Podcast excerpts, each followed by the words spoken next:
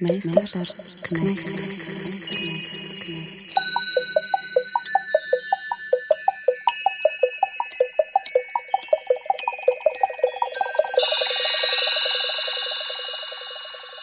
Meistars Knechts. Sveicināti raidījumā Meistars Knekts. Pie mikrofona Arests Silbriedis, un šoreiz mūsu uzmanības lokā ir mūzikas teātris vai muzikālais teātris, par to mēs jau pēc maz mirkļa runāsim, un man ir saruna biedri producente Marta Kontiņa, dramaturgs Evarts Melnalksnis, mūzikas kritiķe un teātra izrāžu pētniece Lauma Melēna Bartkeviča un kompanies diriģents Andris Vecumnieks.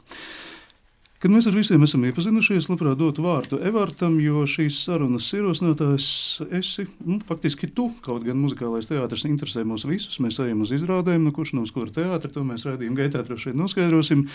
Evart, ja es varētu lūgt ekspozīciju. Pirmkārt, mūzikas teātris, muzikālais teātris. Par kādu teātru mēs runāsim? Jā, es labprāt lietoju jēdzienu mūzikas teātris, apzināti un vienmēr. Um, es ar, arī apzinos, ka tas ir kalks no vācu valodas, proti, tas ir tieši pārlikums, un man ir pamatojums, kāpēc izvēlos lietot šo jēdzienu. Proti, um, muzikālais teātris, kas ir tradīcija latviešu valodā, nāk ar savu noteiktu kaut kādu konotāciju, ar savu tradīciju un vēsturi, un man šķiet, ka varbūt mēs varam atrast jaunu vai lietot šo citu jaunu jēdzienu, lai iekļautu arī lietas, kas varbūt muzikālā teātra kontekstā, par ko mēs neiedomājamies. Un, proti, tās lietas vai tās parādības, par kurām es domāju, kad es lietoju jēdzienu mūzikas teātris, ir um, tādas laikmatīgas, um, starpdisciplināras parādības teātrī, kurā mūzika ir tāds pamat elements, struktūra elements, kuru izņemot laukā, mēs vairs izrādi nevarētu uztvert.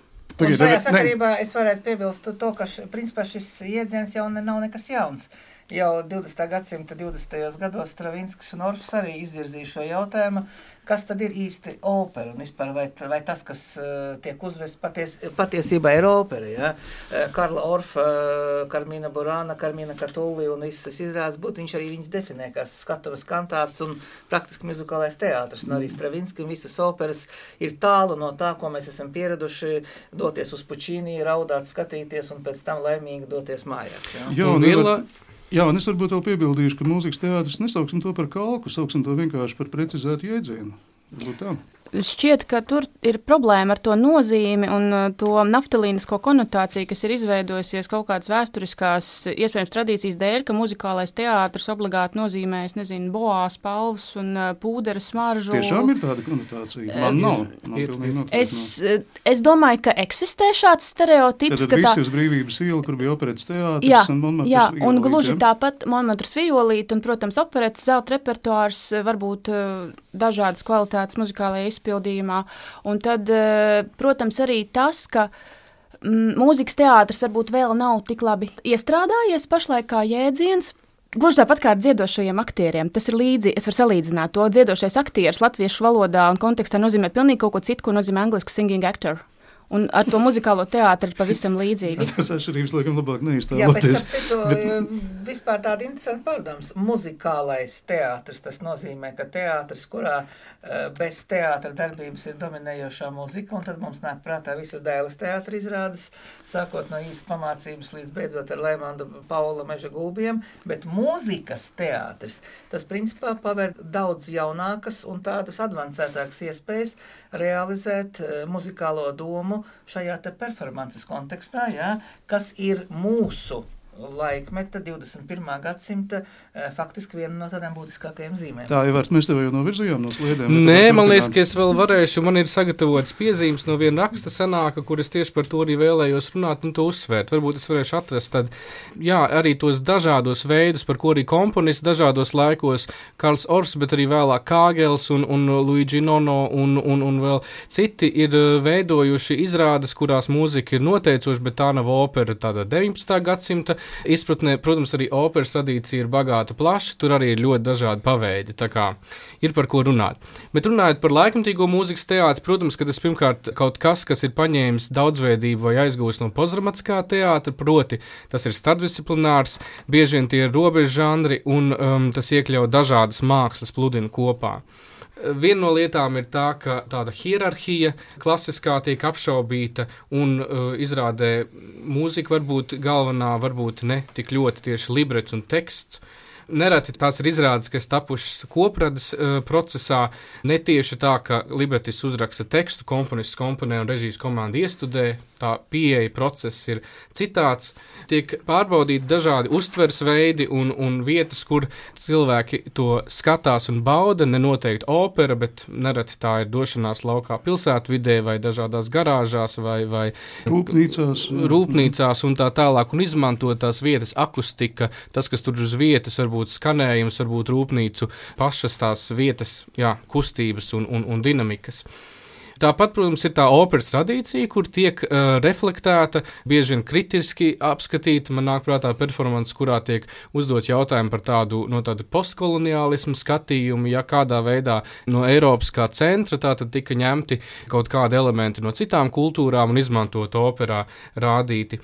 Tad, protams, jau minēju šo starpdisciplinaritāti, performativitāti, kaut ko, kas notiek šeit un tagad, šajā brīdī, tiek varbūt improvizēta arī mūzikas kaut kāda gatava uh, materiāla. Jā, un, un runājot par šiem žanriem, te ir daži man pierakstīti, ko komponisti ir lietojuši. Piemēram, instrumentālais teātris, eh, mūzika ar attēliem, skatuviskais koncerts, ainavas opera, dokumentārā opera, staciju opera, multimēdija opera, trokšņu opera un citi, un šo žanru apzīmējumus ir radījuši paši komponisti, starp tiem, piemēram, Mauricio Kāgels, Helmuts Lahenmans, Luigi Nono, Manos Cangaris, Stīvs Rais un citi. Jā, un arī tīri tā dramaturgiskā forma ir no tādas tradicionālas dramaturgiskās formas notiek atteikšanās nereti, un tā ir tā inovācija šajā jomā, kur tādi pazīstamie dramaturgiskie parametri pastāv to prombūtni, un tas ir tāds radošs dzinējs, lai domātu citādā veidā, kā mēs veidojam šo izrādi. Nu, jā, nu varbūt vēl no tādas teorijas puses, tad varbūt trīs neatkarīgā laikmatīgā mūzikas teātra diskursu lauki. Protams, valsts uzturētās operas, tas ir tāds centrāla institūcija, par to mums vajadzētu aprunāties arī šovakar, ko Latvijā Nacionāla opera Uztur dara. valsts, jā. Jā, bet nu, tas ir svarīgi, tāpēc, ka mūzikas teātris viens no visdārgākajiem, viena no mā dārgākajām mākslām. Uh, nu, un tad ir uh, Matijas Repštoks, tāds pētnieks, kas trīs laukus iezīmē. Viņš runā par pirmo, kas ir maza mēroga operu, mūziklu, repertuāru operu pārlikumu izspēle, kas bieži vien um, teātra vai skatuves māksla kopējā diskursā netiek tā nopietni uztvērta. Nu, tas kas būtu arī vienam operas studiju figūru. Ar samazinātu sastāvu orķestri, mazāku skatuvi un simbolisku inscenējumu. Es domāju, Jā, ka šī lieta gan piemērs. ir šobrīd mainījusies, un īstenībā pandēmijas konteksts ir šo jautājumu stipri vien aktualizējis par kameru formātiem un mazākiem sastāviem, un līdz ar to arī žanra attīstību, mazāku sastāvu izpildīt. Par sastāviem pilnīgi noteikti, bet man liekas, ka bija runa arī par pārlikumiem. vai ne? Jā, un es domāju, darīja tas jau- Vācijas operas, starp citu, vai ne? Un, un uh, es domāju, tas arī iet kopā ar finansējumu. Jo, protams, ka ja mēs runājam par neatkarīgo telpu, tad tātad nevalstisko sektoru tur nemaz lielo orķestri reāli nav iespējams izrādē norganizēt. Tas ir vienkārši pārāk dārgi. Izņemot vienu, kas ir Matīs Kausabajārs. Bet tas Jā, ir, bet tas ir īpašs bet tas ir gadījums. bet es gadījums, vēršu. Sadarbības Es vēršu uzmanību arī par to, ka tas, ko mēs runājam par to pandēmijas laiku, tūlīt būs pirmizrāda arī zem Platona Borovicka trim zvaigznēm, un tas vispār ir absolūti neparasts formāts. Faktiski tā ir filma, jā, un arī baņuta ir filma, jautājums ir par to, kā šajā situācijā tie ir faktiski vēl jauni meklējumi, kas līdz tam uh, vispār ne teorijā, ne praksē vispār nebija iespējami. jā. Paldies pandēmijai. Paliekam pie repstu laukiem. jā, Repstuka lauki, tātad otrais lauks, viņš saka, ir jaunās operas un jaunais mūzikas teātris, kas balstās, kur centrā vēsturiski atrodas laikmatīgā mūzika komponisti, piemēram, Džons Keits, Kāgels, kā es minēju, un teātra diskursā tas atkal ir kaut kas margināls. To mēs skatāmies no tādas akadēmiskās mūzikas puses, un tur ir tas fokus. Un tad atkal trešais ir tas, kur centrā stāv tieši režisors, kurš veido šo izrādi, bet strādā tādā muzikālā veidā, jeb organizē izrādes elementus, kā modeli pieņemot muzikālu kompozīciju vai partitūru. Un te, teiksim, no tādiem vēsturiskākiem autors min Adolfu Apiju, Meyerholdu Arto, bet no mūsdienās vēl dzīvajiem Kristofu Martāleru, Mereditu Monku un citus. Ja? Un atkal centrā šeit ir režisors, un tāpēc it kā viņš pieder vairāk pie teātra pasaules, un it kā no akadēmiskās mūzikas atkal uz to mazāk skatās. Es tā kā gribētu vēl minēt noteikti uh, Bertoldu Brehtu pie šīs kompānijas. Jā, tieši tā, un vailu. Un tad domājot par to, kur tad uh, tāds mūzikas teātris visaktīvāk pasaulē notiek, vai vismaz Eiropā, es uh, uzreiz pieminētu Rotterdamas O festivālu, ko tikko pārsauc iepriekš, tas bija pazīstams kā Opera Dāgen. Ir tāds BAM uh, fe festivāls Berlīnē daži gadi, Münchenā bija nāle uh, daudzus gadus pazīstams, kas ļoti daudz tieši uh, laikmatīgas jaunas, um, arī mazākas formas mūzikas teātra darbus ļauj iestudēt reiz divos gados. Holandas festivāls, droši vien Rūras trienāli, un te es aicinu jūs pievienoties un domāt, vai minēt varbūt vēl kaut kas, kas nāk prātā no pasaules piemēriem, un ja tur varbūt piemēru uzreiz nav, tad mēs varam pievērsties Latvijas situācijai un kas ir spēlētāji Latvijas laukā. Tāpēc es domāju, tad mēs nosaucām Vācijas platformas, jā, tam visam var pievienoties, tad tu minēji vēl Rotterdamu, jā. Es tagad aizdomājos, piemēram, Francijā mēs esam kaut ko tādu redzējuši. Es teiktu, Beļģijā, Bozāra, Nu, Beļģija, jā. Bozāra, Beļģi, Jā. vairāk Benelux valstu kontekstā šīs producentu grupas neatkarīgie mākslinieki un laikmatīgās mākslas centri, kur ir diezgan daudz uh, arī šādu mūzikas teātru vai starpdisciplināru piemēru. Un arī dzen, festivāla kontekstā es noteikti nosauktu vēl Ņujorkas Brooklyn Academy of Music kā platformu, kurā bieži notiek šāda rakstura projekta izrādīšana. Tas nenozīmē, ka obligāti Brooklyn Academy of Music producē, bet viņi ir arī kā viena tāda laikmatīgā mūzikas teātra platforma. Nu, jā, tas Francijā necerēs. Eksamprovāns, man tā liekas, būtu kā Nu, piemērs. varbūt, jā. Nu, ja Offstage bez- drīzāk ir tā paralēlā programma, kas ir Examprovāns, piedošana, Nu. nevis Examprovāns, bet uh, Aviņons, Aviņons festivālā off uh, programma. Jā, bet atcerieties arī tādu piemēru, ka, piemēram, Anita Tumševica un viņas opera, ko iestudēja galējos Eiropas ziemeļos, arī, manuprāt, paraugs Norvēģija tā bija, vai ne? Norvēģija. Jā, un uh, Anna Čirses uh, Koku koku opera, opera, jā, jā. lūdzu, Un es no savas puses vēl tomēr gribētu minēt, ka paskatīsimies arī uz austrumiem, un te pašā Maskavā Boris Pakrovska kamera operas teātris, kas šobrīd ir lielā teātra filiāli, principā jau padomu laikos principā piedāvāja tādus operas iestudējumus, kas stipri tuvojas mūsu šodienas diskusijas objektam. Es gribētu vēl pieminēt drusku par Franciju un par Krieviju. Proti, Francijā šovasar man bija iespēja sadarboties ar žurnālu Alternatīvu teatrāļu, kuru fokusā bija tieši ekoliriskā perspektīva, proti, operas un dažādu muzikālo teātru žanri ekokritikas diskursā, kur es tieši kā piemēram no Latvijas piedāvāju Jānis Čirses koku operu Veigāzes, konkrēti trešo iestudējumu Musterindas rezidencē Somijā, kas eh, šķīta ļoti interesants, jo sākumā man bija uzdevums par Baltijas kontekstu padomāt, bet tur bija pārāk maz vietas, līdz ar to es izvēlējos Annu Čirsu kā, nu, kā Latvijas mm. piemēru. Un uh, visi šie, šie jaunie diskursi, viņi ir aktuāli arī, teiksim, zelta maskas skatas kontekstā.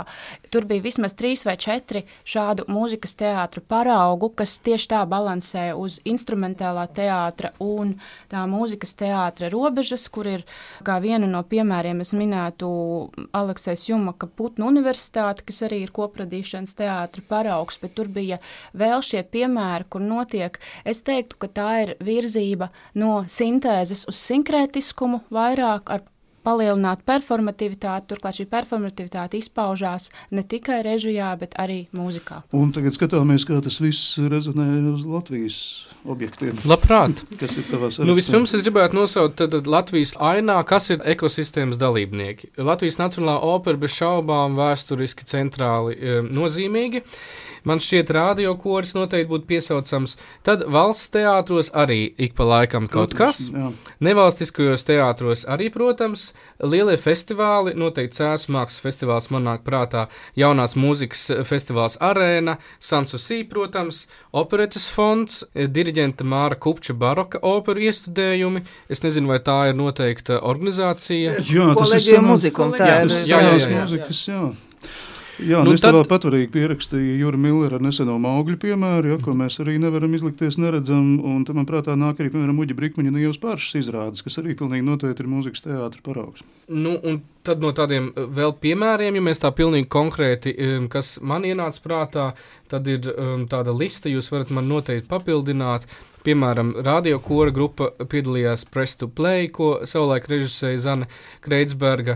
Tad arī ar radio kora dziedātājiem notika arī Zanas Kreitsbergas izrāda pasaka par Kurbadu Cēsu mākslas Kur es atļaušos piebilst, bija izvirzīta lielajai mūzikas balvai, un kaut kas bija teicis, ka, ja nu tiešām žūrija nobalsos par šo uzvedumu, tad žūrija sajūta uz prātā, un žūrija bija sajūta uz prātā, un tieši šī pastaiga, kas ir vispār viens no, man liekas, gadsimta piedzīvojumiem, jā, tagad var teikt, tiešām dabūja lielo mūzikas balvu. Tad Valsts akadēmija akadēmiskais kurs, manuprāt, regulāri veido iestudējumus. Te, manuprāt, ir Erika Ešenvalda un Margo Zālītes Ziemeļu gaisma. Radio, kur jau minēju, piemēram, Aleksandrs Čaks, Arturs Maskats un Hotels Atlantīda. Piedošana pie valsts koras vēl piebildīšu Dans Makabra, kas bija um, Artura Onegēra izrādes Zelseļu muzejā un noteikti Žāna Darka, kas arī, man liekas, ir ļoti, ļoti pieminēšanas vērts. Piedod, tālāk radio Paldies. koras, jā.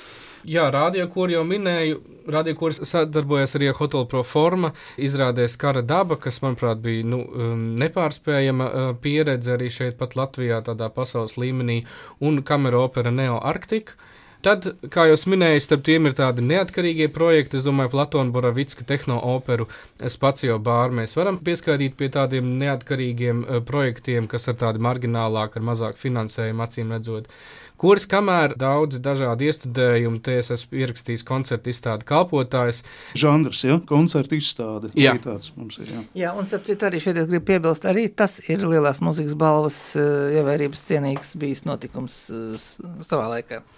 Nu, un arī citi performatīvi notikumi, teiksim, pavisam nesen Cēzu mākslas festivālā uz plostiem, kur koris dziedāja arī Džona Lutera Adamsa mūzika, šķiet viņu sauca Svētā veida dziedājumi. Kas bija Eh, tabaks namā, ja? jā, Pirms tas kopā ar kļuvis par jauno Rīgas teātri. Pēc necējos arī, kā Margo Zālīti ietēra pa zaļā visu cēšu koncertu zāli. Atcerieties, kāds Kremerāta Baltika koncerts, Mhm. tas bija. Tu iekāp liftā un tur ir puķi pots. Lūk, Margo Zālīts, protams, dažādie projekti, tur arī būtu liste, ko uzskaitīt, un dažādi veidi, kā viņa strādājusi. Nu jā, Cēlus mākslas festivālā arī šajā gadā bija Dans Makabrija nāves dēja, kur arī Mākens bija rakstījis mūziku, un Gediņš bija taisījis dēju, un scenogrāfiju bija taisījis Krišs Salmanis. Krišs Salmanis. Kvadrifronam arī ir pāris eh, mūzikas teātris izrādes, pieminu zvērdi nemierīgi, pie kuras es pats esmu strādājis. Pavisam nesen ģērbtūts ielas teātrī Nothing Special ar Lindu Lēmanu un Andreju Jarovoju un opera filmu Baņut, pie kuras arī es esmu strādājis, un pavisam, pavisam nesen oratorio organizētais Matīs Skausa bajārs. Kā jau es teicu, diezgan, nu tā, haotiski sametu dažādus piemērus, lai vienkārši iezīmētu to lauku. kas mums nāk prātā, jā, nepretendējot uz to, ka mēs nosaucam visu, un klausītāji, protams, ir laipni aicināti mums papildināt, rakstot mīļas vai niknas vēstules, bet pagaidām es domāju, ka mēs varam doties tālāk, jo atspērienu punkts mūsu sarunā ir, tad tas ir mūzikas teātris, ko Valsts kultūra kapitāla fonds eh, pirms diviem gadiem beidzot izlēma atbalstīt ar īpašu mēģi programmu, redzot droši vien kādas tendences valstī parādās gan, gan atkarīgas, gan neatkarīgas, un jā, šī mēģi programma arī tika īstenota, vairumam pasākumu gan droši vien vajadzēja notikt 2020. gadā, tie tika pārcelt uz 2021. jā, tas ir faktiski iemesls, kāpēc mēs šobrīd runājam, mēs vēlamies redzēt, kas ir sanācis no šīs mēģi programmas un kur kurš virzās.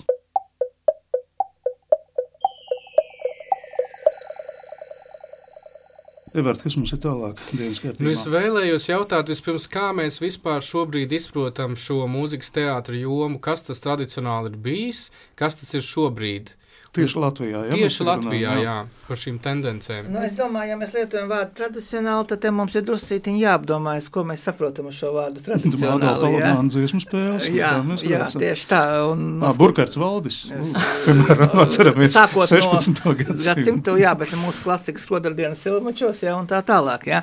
Bet katrā ziņā es domāju, ka šo te terminu, ko tu piedāvā, tātad mūzikas teātris, es domāju, tas ir vispār eh, zinātniskās terminoloģijas vērts, un, un es... Ja, ja jūs tagad ar laumu sāksiet, tad mēs šo redzējumu varam vienīgi slēgt. nē, nē, nē, mēs tūlīt, es, es, es, es tūlīt beigšu. Ja? Ar vārdu zinātniskā terminoloģija saprotu, ka, vienkārši, ka tas ir termins, kas ir nevis ikdienas sarunas, bet arī jau jēdziens, kam, kam ir kaut kāds saturiskais segums. Ja? Tas ir tas svarīgākais. Faktiski mēs šobrīd esam iezīmējuši šīs tendences, kuras sistematizācija prasītu vēl vienu promocijas darbu.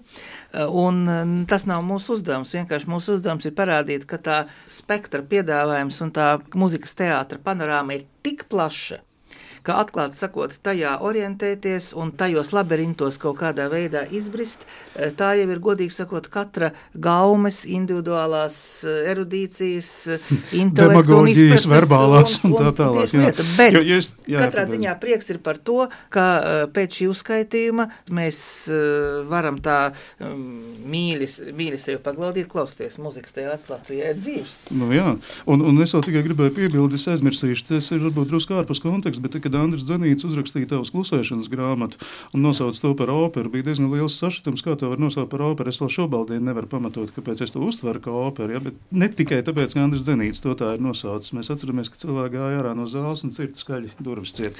Tātad mums tiešām aina ir daudzveidīga. Man šķiet, ka tas ir ļoti labi, ka aina ir tik daudzveidīga, jo tas nozīmē, ka mēs runājam tā, kā parasti notiek. Vispirms rodas fenomens, un tad tam tiek iedots vārds. Un sistematizācija nozīmē, ka kaut kas ir noslēdzies, bet tas nedod Dievs. Tas noslēgsies. Nē, tas tieši nozīmē, ka mēs sākam par to runāt kaut kādā jaunā, atsevišķā kontekstā, jo strādājot gan mūzikas pētniecībā, gan teātris pētniecībā es vienmēr jūtos kā sēžot uz diviem krēsliem, jo vienmēr tā mākslīgi novilktā robežšķirtne, tas ir teātris, un tur viņš beidzas, un te sākas mūzikas kompetence attiecībā tieši uz mūzikas teātra vai muzikālā teātra dažādiem formātiem, jo man, teiksim, ir bijis eh, diezgan jāstrādā, lai pierādītu, ka kaut vai opera ir teātris, un tad nerunāsim par tādām lietām kā Krista Auzija, au, Auznieka tagadne, nu, teiksim, lai tas tiktu iekļauts teātra kritikas diskursā, operas kritikas kritika kaut kādā mērā, tev ir par daudz par mūziku, teiksim, jā, vai tev ir par daudz par vokālo izpildījumu, šie, šis diskurss. Bet tas var būt off-record šajā gadījumā, kontekstuāli vienkārši. Un līdz ar to man ir prieks, ka ir sfēra un ir radusies kaut kāda tā institucionālā kastīte, kurā šis viss der, bez šīs mākslīgās, vai dabiskās, vai tradicionālās robežšķirtnes starp mūziku un teātri. Un te es uzreiz gribētu, bija vēl komentārs? Komentārs tas, ka sistematizācija sākas tajā brīdī, kad gadījums kļūst par tendenci. Un, lūk, tas vairs nav gadījums, tā ir gadījuma summa, kas liecina ne tikai par kvantitatīvu, bet arī par kvalitatīvu uh, Absolut, jā. procesa norisi. Un tad mēs te varam sākt jau domāt, kā to visu kaut kādos rāmīšos salikt. Un es domāju, ka tas ir arī saistīts ar to, ka mums šobrīd ir diezgan spēcīga jaunākās un vidējās paudzes komponistu paudze, kas uh, šajā žanrā spēja radīt, kas atbild uz kopredzes teātra impulsiem, kas Kuriem atbild... adekvāti sadarbības partneri atskaņotāju mākslinieku vidū, kas un zina, arī teātra mākslā. Kuri jā. strādā šajā starpdisciplinārajā laukā un kur šādu projektu un šādu piemēru rašanās ir dabisks process, nevis mērķprogrammas iniciēts vai kā savādāk. Tas ir dabisks radīšanas process. Marta, tu esi tik un dabiski pieklājīga. Es arī gribēju tieši tā pievērsties. Nejauksies sarunā, ja mēs nedosim tev vārdu. Es, klā, jā, es klausos un jā, dažas lietas varbūt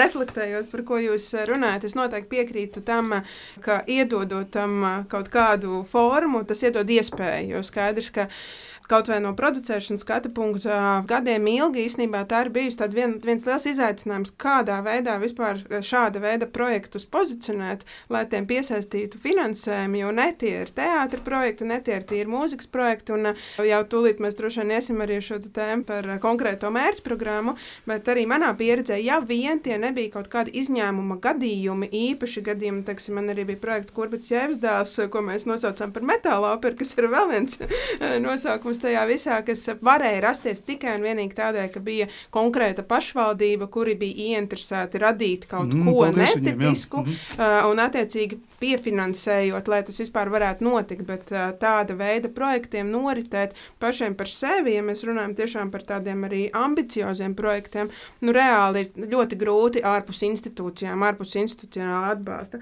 Līdz ar to skaidrs, ka nu, šāda mērķa programma Nu, no mūsu puses, protams, tika sagaidīts tāds ļoti pozitīvs uh, signāls, ka šādā veidā ir iespējams realizēt. Un es, kas strādāju pārsvarā tādās starpdisciplinārās formās, kur dabisks veids ir domāt pāri robežām, ļoti grūti ir vienmēr bijis ierakstīties tajās noteiktajās eh, robežu kastītēs. Bet, Mārtiņ, es tev tomēr gribētu vēl precīzāk pajautāt, eh, principā, vai mūzikas teātris projekts var būt neambiciozs? Vai tu vari pastāstīt, kādi ir izaicinājumi veidojot mūzikas teātris projektu un kas varbūt to atšķir no citiem normālākiem vai žanriski sak, nu, Normālāk? normālākiem projektiem?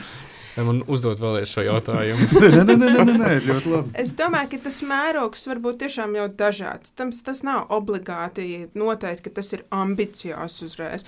Varbūt man konkrēti ir sakrits tā, ka projekti, kuros, kuros man ir bijusi iespēja iesaistīties, tie ir bijuši ar kaut kādu tādu ambīciju gan sastāva ziņā, gan, gan varbūt nu, vērienu kaut vai skatuva ziņā, scenogrāfijas ziņā tam līdzīgi. Bet noteikti tā specifika ir tā, ka tas tomēr ir nu, tā ir tāda nozaru savešana kopā, un tas ir arī patiesībā tas, kas man visvairāk arī to lielāko gandarījumu tajā visā dod, jo tas, ka tu redzi, ka kopā strādā cilvēki, kuri līdz tam nav satikušies atkal esot jau katrs tā savā kastītē un radot ko jaunu, tur, tur nu, radās tiešām ļoti interesants formas. Un, protams, tur arī ir savi izaicinājumi. Jo skaidrs, ka ir kaut kādas iestrādes, kā lietām ir jānotiek. Nu, Kaut kā mums baņotas gadījumā arī tu pieredzēji ļoti daudz no Everta dzirdēji. Es taču neko nezinu par filmēšanu, un, un, un tā, viņ, tā viņam bija pirmā pieredze. Un atkal no otras puses nāk filmu cilvēki, kur ir pieraduši strādāt kino industrijas režīmā un rāmī, kuriem atkal absolūti pilnīgi cita veida brīvība ienāk iekšā, un kur mums uh, filmas mākslinieks saka, ka šādu filmēšanu es neatceros, kur, uh, nezinu, radošā komanda palīdz uh, māksliniekiem un dekoratoriem nest dekorācijas vai palīdzēt kaut kādos Kas mums visiem liekas tik normāli, mēs jā, to nodarbojamies jā, vienmēr. Bet jā. filmu industrijā, ticiet man, tā hierarhija ir ļoti, ļoti izteikta, un tur nedara katrs darbiņš, kas viņam nav jādara. Un līdz ar to kaut kāds tāds tā samais iesaistīšanās un sadarbība vienam ar otru īstenībā nu, dod pēc tam katrai nozarei atsevišķi arī, manuprāt, ļoti, ļoti nozīmīgu pienesumu. Bet nu, tas viens finansējuma izaicinājums, to es gribēju uzsvērt, man tā liekas. Protams, jo protams, mūzikas teātrī tomēr protams. katram mūziķim vajag samaksāt. Mūziķi turklāt, kā mēs zinām, pelna trīsreiz vairāk vienā vakarā mazākais nekā aktieri. Un, un tas ir tas izaicinājums, kur tiešām tu saproti, ja tev ir kaut vai kvartets tas jau nozīmē, ka tev izrāda tajā mazajā formā ar nelielu apmeklētāju skaitu ir pakļaut ļoti lieliem riskiem, ka tu nevari vienkārši to vispār atļauties. Un mans komentārs ir vēl pavisam arī tāds, varbūt tādas nopietnākas diskusijas cienīgs, varbūt man nav taisnība, bet ja mēs ņemam iedzienu mūzikas teātris vai atgriežamies atpakaļ un lietojam vārdu opera, recepcijas kontekstā viņš ir daudz konservatīvāks nekā, piemēram, simfoniskā mūzika. Un mēs atceramies, kā Stravinska balets svētpilsēs tika izsvilpts kā skatuves uzvedums, kā muzikas teātris, bet tika absolūti ar ovācijām pieņemts kā simfonisks skaņdarbs. Ja? Un lūk, visā šajā kontekstā jebkuras inovācijas, jebkuri meklējumi, jebkuri radošie eksperimenti, lai saucam jebkuru ņemam no šiem te Kas tas ir? Pagaidiet, uz ko mēs ko es eju uz opnu? Kas tas ir? Nu, pagaidiet, op, no, no, opera. Nu, tā, nu, ja? Saprotiet, klausītājiem tas ir uzreiz tāds, nu, zināmā mērā tāds pārsteiguma moments, ko es sagaidu. Nē, nu, es eju, es eju uz operu, tad es eju uz, tad es eju uz operu. Ja? Bet, bet skatītājs arī nav kļuvis drusku bezbailīgāks, ne? Ir kļuvis bezbailīgāks. Es domāju, ka ir kļuvis bezbailīgāks, bet arī tas ir nopietnas diskusijas vērts, ja? jo es tagad negribu par to runāt, ja mēs paskatīsimies, cik strauji un augmentāri attīstījies, teiksim, orķestra mūzikas un kamera mūzikas un instrumentālās mūzikas žanrs, tad šajā te vokālajā un opera mūzikā tā attīstības tendence ir stipri tāda, nu, teiksim, nu, piebremzēta, negribīga vai katrā ziņā uz tāda rita riten, ritenūto tempu, un katrs jauns notikums ir bijis kaut kāds skandāls un tā tālāk. Protams, ar laiku tas viss kļūst par ikdienas normu, bet no tā, ko mēs šodien runājām un saucām šos te visus žanrus, nosaukumus, piedāvājumus, ja, principā jebkurš normāls ierindas vidējais klausītājs vispār var apjukt. Ja? Tādā ziņā, ka pagaidiet, ko es eju šobrīd skatīties, ja? ko jūs man pārdodat? Ja? Mm. Desu maizi, es nezinu, torti vispār, ja? vai ziepes, es atvainojos. Ja? Nu, tas, ir, tas ir tas, kas ir producentiem šajā gadījumā, Marta, tev ir ļoti skaidri jāpozicionē, kas tas ir par produktu, kā man riebjas tas vārds mākslā produkts, bet bez tā mēs nevaram iztikt, ja? ko es tagad gribu jums pārdot un kāda ir šī produktu vērtība. Un vienmēr tie ir arī finanšu riski, ne tikai finanšu piesaistīšanas problēma, bet arī finanšu riski no producēšanas viedokļa un no tās, teiksim, institūcijas viedokļa, kas uzņem šo projektu, teiksim, savā paspārnē, kaut vai ar telpām vai, vai tam līdzīgi. Jo tas auditorijas procents, kas ir kļuvis elastīgāks, Orests, vai tā klausītājs nav kļuvis elastīgāks vecai, es domāju, ka ir, bet tas varētu būt kaut kāds 0,03% no visiem tiem, kas patērē kultūru vispār. Var paskatīties, protams, kultūras patēriņa pētījumu datus. Es domāju, ka tur būs ļoti mazs procents, kas attiecas uz operu, simfoniskā mūzika droši vien būs vairāk, tieši tā kā Andris teica. Un tad šie eksperimentētāji, tie, kas ir gatavi, nedomājot, nu, es atceros, kā bija Sensusī pirmajā festivālā, kad bija versija, kad trio palādio, toreiz vēl nesaucoties trio palādio, spēlēja teltī, un cik tas bija brīnišķīgi, un cik daudziem tas bija ārprātīgs pārsteigums, piemēram. Ja? Nu, tas, nu, jā, un tas, tas nebija mūzikas teātra gadījums, tas bija, protams, kamermūzikas eh, piedāvājums. Bet vienalga tā bija vidas maiņa. Tā bija absolūti krasa vidas man uzvesties tagad, kas lielāko daļu Aplaudēt tur esošo sajūsmināja, jā, jā. bet ļoti daudzos raisīja neizpratni. Tas bija pirms Mhm. pieciem vai sešiem gadiem. Jā, tas bija pavisam nesen. laikā tā ir arī tiešām iespēja. jo, Nu, tas ir no vienas puses, jā, auditorija varbūt ir tiešām sagaida tos apzīmējumus, un kas tad tas būs. Es arī ar to bieži vien saskaros, kā nosaukt kaut ko, kas, kas top. Bet no otras puses, manuprāt, mūzikas teātris ir viena no tām formām, kas paver iespēju uzrunāt plašāku auditoriju, kaut vai tāpat jauniešu auditoriju, kurā var nonākt šajās vietās, kur Nu, Kur vēl nav notiek. iztikusi definīcija vidē, ne? Jā, kādā, jā un, un, un, arī tīri, nu, taksim, mūzikas žanra ziņā, varbūt atgriežos to pašu kurba ķēves dēlu, bet tur mums bija gan Skyforger auditorija, kas klausījās eh, tīri mūzikas fani, bet tur bija arī teātra auditorija, tur bija ļoti, ļoti dažādas grupas, un, un tajā brīdī tu vari savest tās auditorijas kopā, un tur atkal rodās kaut kādas iespējas, bet tas ir, protams, izaicinājums. Mēs Jančevskis stāstīt, fonda klubs un Skyforger auditorija. jā. Jā. Nu, pirms mēs ķeramies pie konkursa, man tomēr gribētos dzirdēt no jums tādu vērtējumu tai ekosistēmai. Tātad, pirmais mans jautājums, kā jūs kopumā redzat, tie spēlētāji, kas tur ir, un tad kāda ir nozīme tajā visā Latvijas Nacionālajai operai un baletam?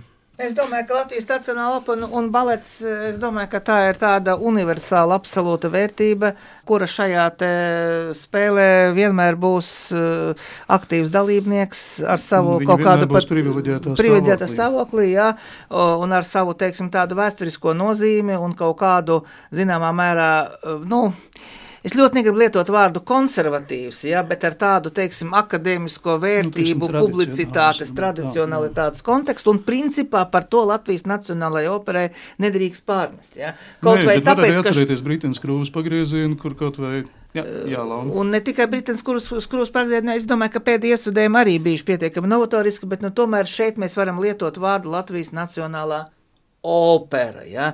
Un vairāk vai mazāk izprotot šī vārda opera žanru tādā, tādā kontekstā, kā, kā tas ir. Jā, Ja? Lauma, es tūlīt došu mm. -hmm. vārdu, bet uh, pirms tam es gribēju teikt, ka simboliski mēs satiekamies dienā, kad Armāns Notiņš nedēļa rakstā kultūras zīmes ir uzrakstījis recenziju par Pelnrašķīti, par nesenāko operas jaunuzvedumu un, principā, lielu daļu, te, ne, nu, lielu daļu tā nevar teikt, bet daļu teksta un īpaši noslēgumu velti tam, ka Latvijas Nacionālā opera šobrīd ir dziļā radošā krīzē, kādā ir bijis Nacionālais teātris 90. gados un dēls teātris pirms viestura kairiša. Nu, ne, bet neprecīzi citāts, bet būtība ir tieši šāda.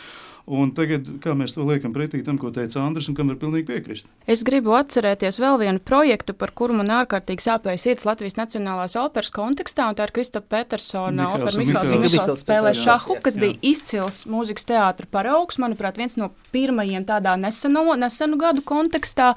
Lielisks projekts. Kurš, ja es pareizi saprotu, un ja es tagad neizplatu baumas, bet atsaucos uz cilvēkiem, kas bija iesaistīti projektā, tika noņemts no repertuāra tādēļ, ka tas ir par dārgu, jo tur ir tiek piesaistīti par daudz ārštata vai neštata mākslinieku. Un ir arī divi diriģenti, bija tātad Rubiķis un Lakstīga, un visas šīs problēmas, kas tīri noved pie tā, ka ir mazā zāle, maza auditorija, un mēs nespējam to kā produktu pareizi komerciāli nopozicionēt. Un tas bija ārkārtīgi nejauks piemērs, ņemot vērā, ka tomēr, kā Orests pareizi atzīmēja, opera tomēr ir drusku privileģētā stāvoklī salīdzinājumā ar neatkarīgajiem producentiem. Jebkurā gadījumā ir uzteicama tā operas vēlme tomēr jaunajā zālē īstenot kaut kādus projektus, kas ir vērsti varbūt uz šaurāku auditoriju, bet tomēr iet kaut kādu mākslas eksperimentu virzienā vai kaut kāda tāda paplašinot savā tradicionālā repertuāra robežas. Bet eh, man šķiet, ka mūzikas teātra kontekstā Latvijas Nacionāla opera noteikti nav tāds, eh, nu, varbūt tas ir lielākais, bet viņš nebūs tas svarīgākais spēlētājs, īpaši pēdējo, Pēdējo gadu gada kontekstā. kontekstā absolūti pievienojos. Jā. Jā, nu, redz, valsts institūcijām šeit ir drusku citas spēles noteikumi. Jā. Nepavēlt mēs runājam nat nat Nacionālo operu. Te ir jābūt tam balansam, ko mm, es atceros Ojāra Rubeņa neformālo sarunu, bet tā arī publicēta bija eh, arī oficiālajā presē, kad, viņš vēl bija Nacionālā teātra direktors, jā, ka mēs taisam mākslu un mēs taisam komercizrādes. Jā. Un šajā gadījumā labi nelietojam vārdu komercizrādes, bet katrā ziņā travieta, bohēma, es nezinu, tur pīķa dāma, nu tas ir tas, kas principā eh, ļauj eh, tātad valsts institūcijai operai Jā, eksistēt. ir jā. jābūt travietai, ir jābūt bohēmai, bet tādā Bet- gadījumā, kāpēc tur ir Simons Bukanegra un Pēlns šķīt pretī, par to var ļoti nopietni. Nu, apjautāt. nu, uzskatīsim, ka vārdi Verdi un Rosīnī spēlē paši par sevi neatkarīgi no tā, ko viņi ir sarakstījuši, bet Mihails un Mihails šajā gadījumā bija ļoti patīkams izņēmums. Es vēl gribētu minēt arī, starp citu, Andra Dzenīša Daukas koncertu uzvedumu, kas bija Noteikti, ārkārtīgi jā. rosinošs, jā, un ja mēs Noteikti. paņemam Erika Ešenvalda Jāzeps ir- Jāzeps augļu Jāzeps, koks, jā. jā. Au- Augļu koks ir jāzeps, jā. Un ja mēs arī klāt vēl pieliekam to, ka tātad tā paša Erika Ešenvalda iemūrētie opera, Artūra Maskata Valentīna opera. Tas abas bija sakot, mazākas veiksmes noteikti. Nu, mazāks veiksmes vai ne mazāks veiksmes, bet katrā ziņā nu, tā ir latviešu muzika. Ja? Tas, tas, arī, tas arī zināmā mērā aktualizē šo lietu. Bet eh, noslēdzot šo domu, ja, mana doma ir tāda, ka faktiski no šī te mūzikas teātra konteksta es domāju, ka mums varbūt nebūtu gluži korekti šeit kaut kādā veidā izcirzāt operu, ja? tāpēc, ka tur tomēr ir citi spēles uzstādījumi. Ja? Nu, tas tomēr ir uh, lielgabarīta veidojums ar kaut kādiem saviem valstiski uzstādītajiem, pozicionētiem spēles noteikumiem. Bet ja? kaut vai salīdzinot ar ā, kaut vai Nacionālo teātri, nu, viņiem ir diezgan tomēr veiksmīgi izdevies uh, uzturēt gan šo te lielgabarītu un pildīt to uh, nosacīti nacionālo pasūtījumu un arī kaut vai jaunā zāle un, un, un šie te uzdevumi, kas ir bijuši pēdējos gados. Domāju, tas balans tur ir šobrīd operā. Es no malas droši vien neteicu. Vēlreiz gribu pateikt, ka eh, teiksim, tā, eh, kaut kādā veidā teikt tendenci, kas notiek šobrīd, tas principā ir nekorekti. Man lauma apliecinās, nu vismaz jāpiet kādiem 10, 20 gadiem, lai mēs varam šo procesu eh, nu, izvērtēt kaut cik plus paskatīties, kas paliek, kas ir virspusē, Tieši kas tā, varbūt jā, mazliet jā, un kas ir, kas nevis nosakts. tendence, bet kas jā, ir kaut kāds jā, vienreizējs tā. gadījums. Ja?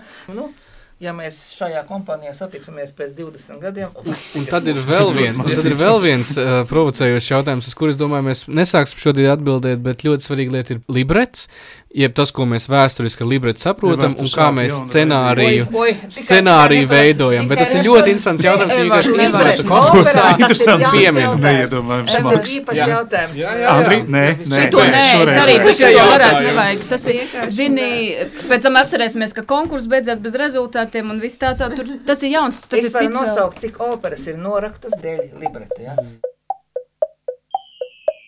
Meistars Knechts.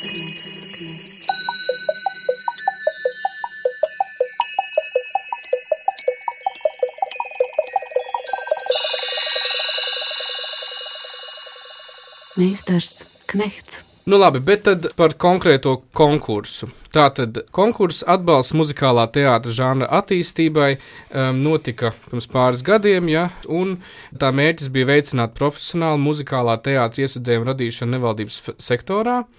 Kopumā tika sadalīti 200 tūkstoši eiro. Līdz šā gada beigām bija jābūt pabeigtiem projektiem. Un uzsvars uz jaunradītu vai esošu muzikālā un dramaturgiskā materiāla iesudēšanu un izrādīšanu dzīvajā izpildījumā.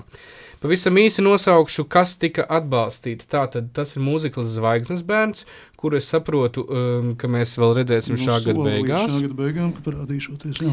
Tā tad multimediāla meža opera Latviešu zvēri, kas diemžēl nenotiks, to mums komentēs Marta.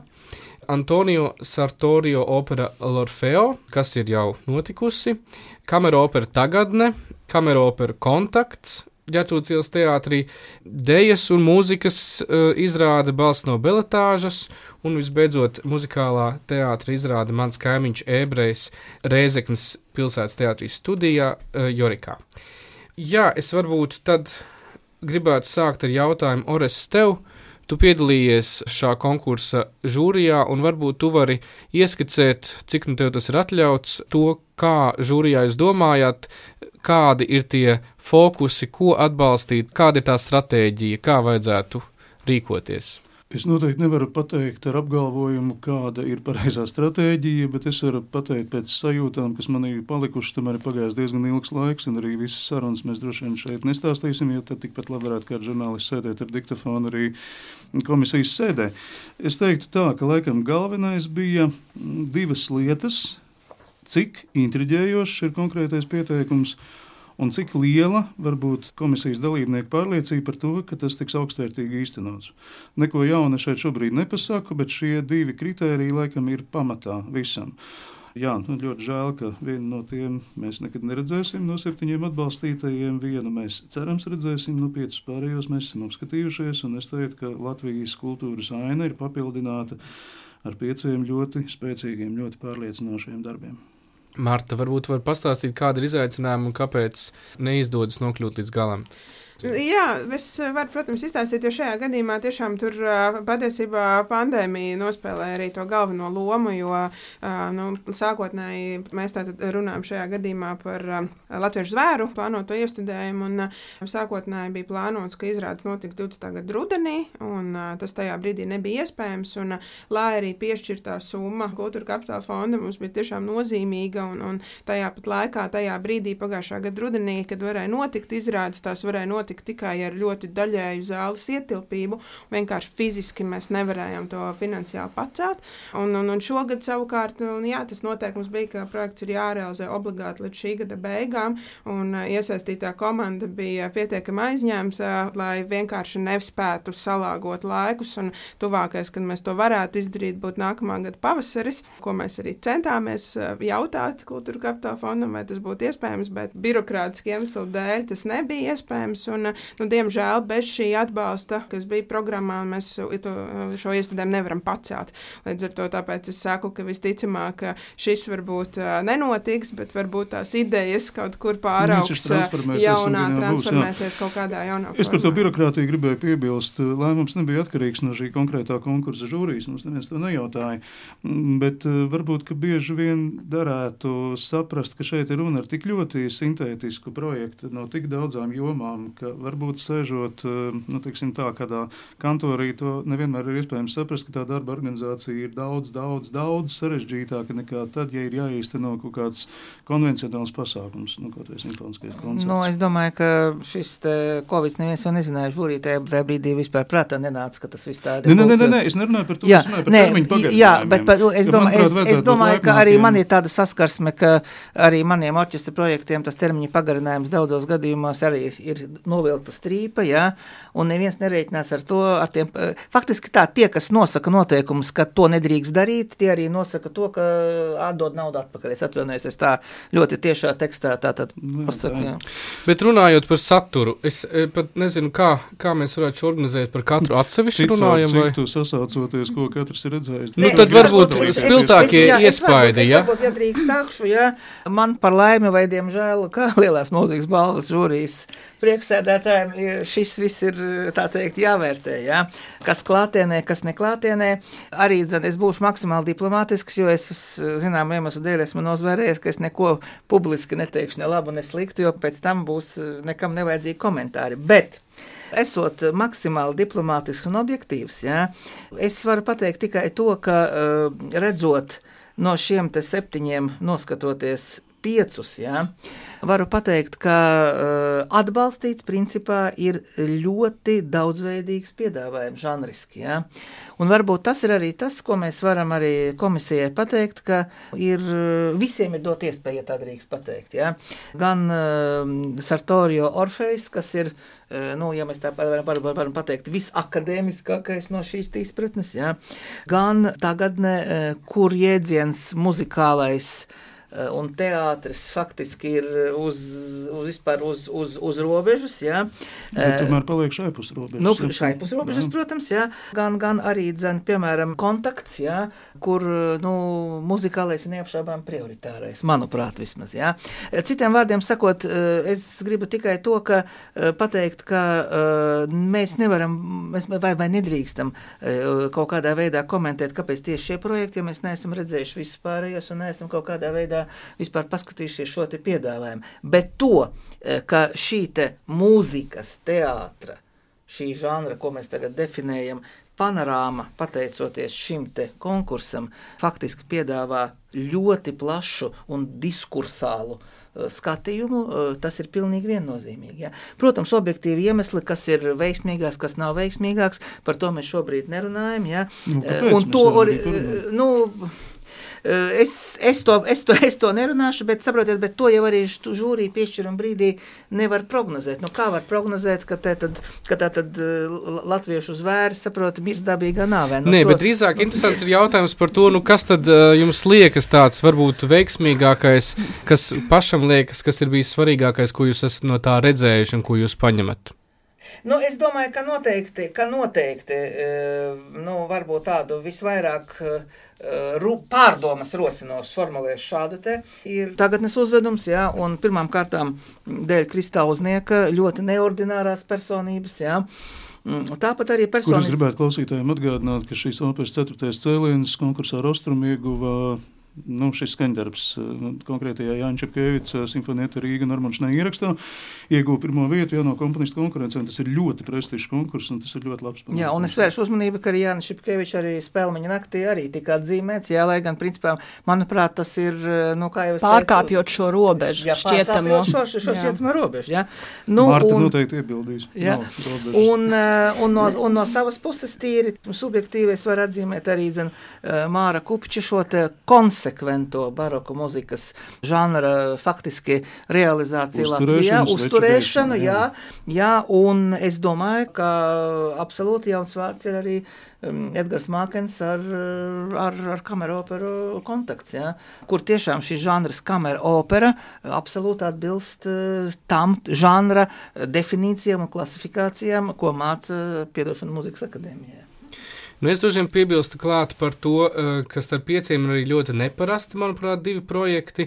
Un tas ir pirmkārt balsts no Belatāžas, kurā pieeja ir tāda undergroundīga, eh, varētu teikt, ja tāda pieeja no, eh, teiksim, tāda laušana, tāda kaut kāda dekonstrukcija tajā, kas ir mūzikls, kā to veido. Tur tiek likta klāt dēja un, un, un mūzika, un pat ja rezultāts varbūt nav tik apaļš un tik nogludināts, domāju, tāds arī nav bijis viņu mērķis. Bet tas, ka viņš ir nokļuvis šajā sarakstā un ka tāds ir tapis, tas man tā liekas ir apliecinājums procesam. Un līdzīgi arī par manu kaimiņu ebreju, ja, kurš atkal ir pilnīgi citāds formā, tātad tā ir pastaiga pa pilsētu, vairākas, teiksim, sauksim tās pa stacijām, mūzikas elements ir klātesošs. Un Kristus Burāns formāts, vai ne? Jā, Ir Lauma, jā, bija. Uh, jā, es gribēju piebilst par balsi no Belitāžas. Uh, protams, domājot par to projektu un arī pēc tam drusku viņu analizējot, es domāju par to, ka tajā brīdī, kad Platons Buravickis uzraksta laikmetīgs mūzikls, ir skaidrs, ka tur nenotiks jebkas, kas ir formātā, ko mēs esam pieraduši to redzēt.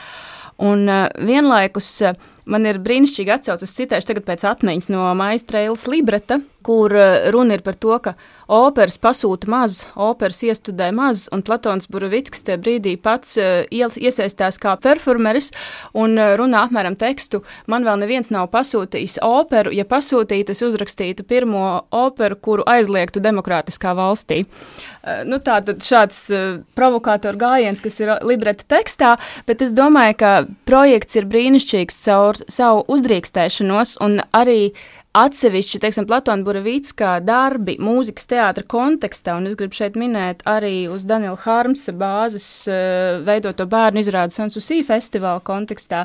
Es domāju, ka tā panorāma, ko parāda tie pieci iestudējumi, kas ir parādīti līdz šim, parāda to, ka konkursa žūrija ir gatava dot iespēju, redz šo te jauno mākslinieku un kopradīšanas projektu ienākšanu kopējā panorāmā.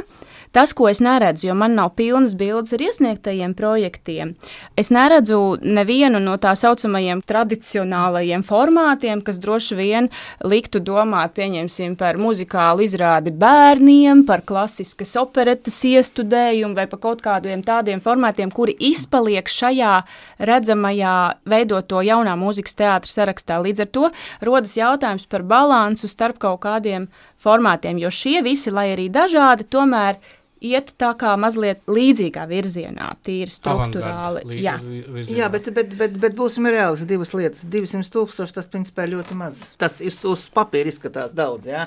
Un faktiski te tiešām ir, ir atbalstīti radošie meklējumi.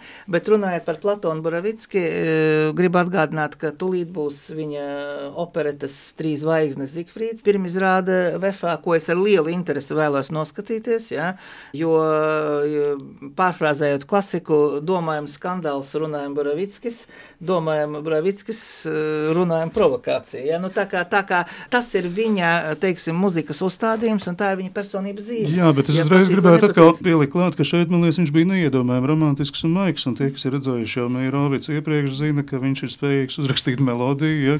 Nu, un, es, un ka es viņš piekdien varbūt noskatīšos Meirovicu, un Jā, tad un es tad, tad varēšu redzēs, pateikt, jā, vai piekrītam vai nē. Un man liekas, ka unikāls un fenomenāls ir tas gadījums, kad marginālas komponistes uh, šķietami neveiksmīgi uzvesta opera kļūst par dramaturgisko kodolu, izrādē, kas ilgsta divas stundas.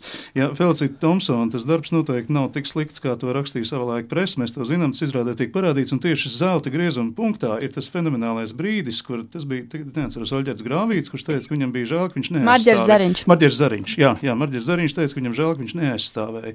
Tad, tad tas ir reizē ne tikai par muzikālām kvalitātēm, bet drusciņi arī par pilsoniskām kvalitātēm, ja? arī par mūzikas Līdzīgi. Kritiķi, arī par Līdzīgi arī izrādē mans kaimiņš ebrejs, kur, ja citur mēs tomēr redzam tādu uh, vairāk estētisku jautājumu risināšanu, ne, lai gan arī kamera opera konteksts runā par šeit un tagad Nu, situāciju, un katrā ziņā to, kas notiek šobrīd, jā, jā. um, sasaistē ar mūsu sabiedrību, ar to, kur mēs esam, jā, un tad aktuāli jautājumi tiek Bet es risināti. piekrītu par izrādi mans kaimiņš ebrejs, ka tas faktiski ir nu, ne jau gluži disertācija, bet faktiski mēs uzzinām gandrīz pilnu kopainu par to, kā ebreji ienāca Rēzeknē un kā Rēzekne tika atbrīvota no ebrejiem. Opera Un- lekcija. Un tas, tik, kas ir- un tik dažne dažādās formās, ar dziesmām, ar dejām, ar anekdotu sēriju. Ja?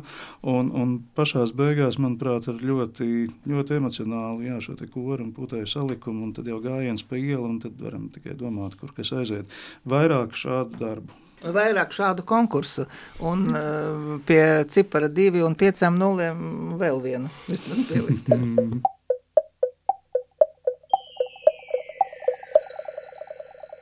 Problēma, kas ir, ka visi šie iestudējumi, eh, es nezinu, cik paredz nolikums, četras reizes obligāti ir jāparāda, lai gūtu atbalstu. Nu, diemžēl, jā. Diemžēl tā ir diezgan eh, būtiska lieta, kas, teiksim, ja mm, es no tāda auditorijas un recepcijas viedokļa, ka tā tad, nu, pirmā izrāde, otrā izrāde, trešā izrāde, ceturtā izrāde.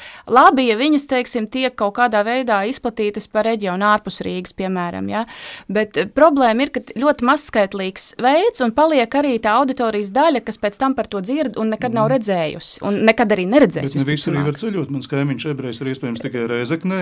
Inta Baloda un kompānija ir balss no Beltors īstenoja šo te apbraukāšanu, vai ne? Bet atkal kā izcelt kontaktu no ģetrūdas ielas teātris, bet uzreiz nevar iedomāties. To, var, to vēl varētu, bet es aicinu jūs, a- jūs neaizmirst, ka uh, um, Arvīda Želinska zelta zirgs 350 izrādes, ka tas ir absolūta relikvija. Ja? Šobrīd, ja, ja nacionālajā operā izrāda tiek izrādīta desmit reizes, tad tas jau ir uh, Sasniegums, uh. Vispār tas jau ir ekstra notikums. Ja? Tieši tā, un varbūt arī uh, jūs teicāt par tām četrām reizēm. No vienas puses tas ir maz, maz no otras puses tas ir tiešām daudz, jo arī kaut vai tajā mūsu latviešu zvēru Bet, gadījumā protams. mums tieši tas faktors, ka ir tās četras izrādes jāparāda tajā pagājušā gada rudenī, tas arī bija ļoti izšķiroši. Jo, ja, būt, ja mēs būtu, ies, ja būtu bijusi iespēja parādīt vienu izrādi un pēc tam pagaidīt pandēmijas beigas, mēs būtu izlīduši, izdomājuši veidu. Mm -hmm. Bet tieši tas, ka četras reizes tas Nu, bija. To noteikti var ņemt vērā, ja kāds mums šobrīd dzird pie jaunā nolikuma sastādīšanas vai pie vecā nolikuma Nu, papildināšanas. tur varētu būt vārdiņš vismaz, Jā, piemēram. Jā, bet uh, es gribētu, jā, ka mēs pieminām vēl dažus notikumus, kas beidzamā laikā, dažos mēnešos ir, ir, ir not- notikuši. notikuši, notikuši jā. Un, un Evar, tavā sarakstā ir opera filma Baņu, tad tā ir Ģetrūda Zīles teātra izrāda Nothing Special, tas ir, jā, nu, droši vien jānosauc ar Imanta Kalniņu un Aleksandra Čaka opera Matīs Kausbojārs, kas 20 gadus gaidīja, un tālūk ir privāta iniciatīva, kurā bija jā, pilns šis simfoniskais orķestris, un tas nekas, ka izrādes iestudētāji ņēma kredītu, un kā viņi tika galā, tas vispār vēl ir liels jautājums, bet es teiktu, ka tas bija ļoti spēcīgs, ļoti emocionāls, dramatisks piedzīvojums, pārdzīvojums. Es varbūt esmu pārāk dziļi iekšā, lai to objektīvi vērtētu. Es varu pateikt tikai to, ka mani pārsteidz viena lieta, labā nozīmē pārsteidz. Pirms divu ar pus gadiem spēlēja dancojas, konstatēja, ka Imanta Kalniņa muzika nenovecoja, ir aktuāla arī dzen, gan 75. 77. gada kontekstā, gan arī 2018. gada kontekstā. Un arī, dzen, šo, ar, arī dzen, klausoties šo te operu, es pārliecināju, ka, acīm redzot, mūsu Imants Kalniņš tiešām ir tā mūsu Latvijas mūzikas vērtība, kas ir aktuāla ikvienā laikmeta kaut kādā notikuma brīdī, un viņa ieguldījums lielā mūzikas balva par mūsu ieguldījumu ir absolūti godpilns šīs te personības radošā darba Jā, savukārt varbūt drusku diskutējums jautājums ir par Alfrēdu Kalniņu operu baņu, te, kas eh, dažādos laikos iespējams ir aizsījusi dažādu reakciju, un man liekas, ka jaunākas paudzes pārstāvju domas par šī darba kvalitātēm pa laikam atšķiras no vecākās paudzes pārstāvju domām, tradicionālām domām, un tāpēc esmu nenormāli laimīgs, ka ir iznākusi tāda opera filma Baņuta, kas trīs stundas paņem tevi gan pie nesaprašanas totālas, gan pie izbrīnīšanās, gan arī pie beig, beigās pie tā, ka tu vienkārši aizrautīgi skaties un nespēji, mm, kamēr neesi ticis līdz tam četrkārtīgajam, ne, piedošana, trīskārtīgajam, trīskārtīgajam finālam, un tā kā šeit ir Everts, kurš ir viens no šīs opera filmas autoriem, diez vai viņš varēs to komentēt, bet man vēlreiz vislielākā pateicība par šo darbu. Mums ir neiedomājami svarīgi redzēt, ka par klasiskām lietām top mūsdienīgas, es pat nezinu, kā to var nosaukt, parafrāzes, atbalstas, principā jaunas vērtības, kas balstās vecajās, parāda vecās pilnīgi citādā kaut kādā rakursā, un es būšu ļoti laimīgs, ja to pamanīs vēl kādas žūrijas komisijas, nezinu, vienalga. Un es varu tikai piebilst to, ka mums varbūt pietrūks tādas kritiskas attieksmes pret klasiskām vērtībām. Šajā ziņā es, Dievs pasargā, es negribu noliegt eh, klasiskās vērtības, absolūti nē, bet mums ir stereotipi, mums ir svētumi, jā, sākot no Jāzepa Vītola, no Alfrēda Kalniņa Baņuts, un mēs kaut kā nespējam paskatīties eh, no mūsdienas skatpunkta eh, uz šīm te it kā absolūti Jā, mēs vienkārši vairs aprobētām nereflektējam lietām. par to, tieši bet pieņemam Jā. viņus kā Pieņemam kā Baņuta- vērtību, jā.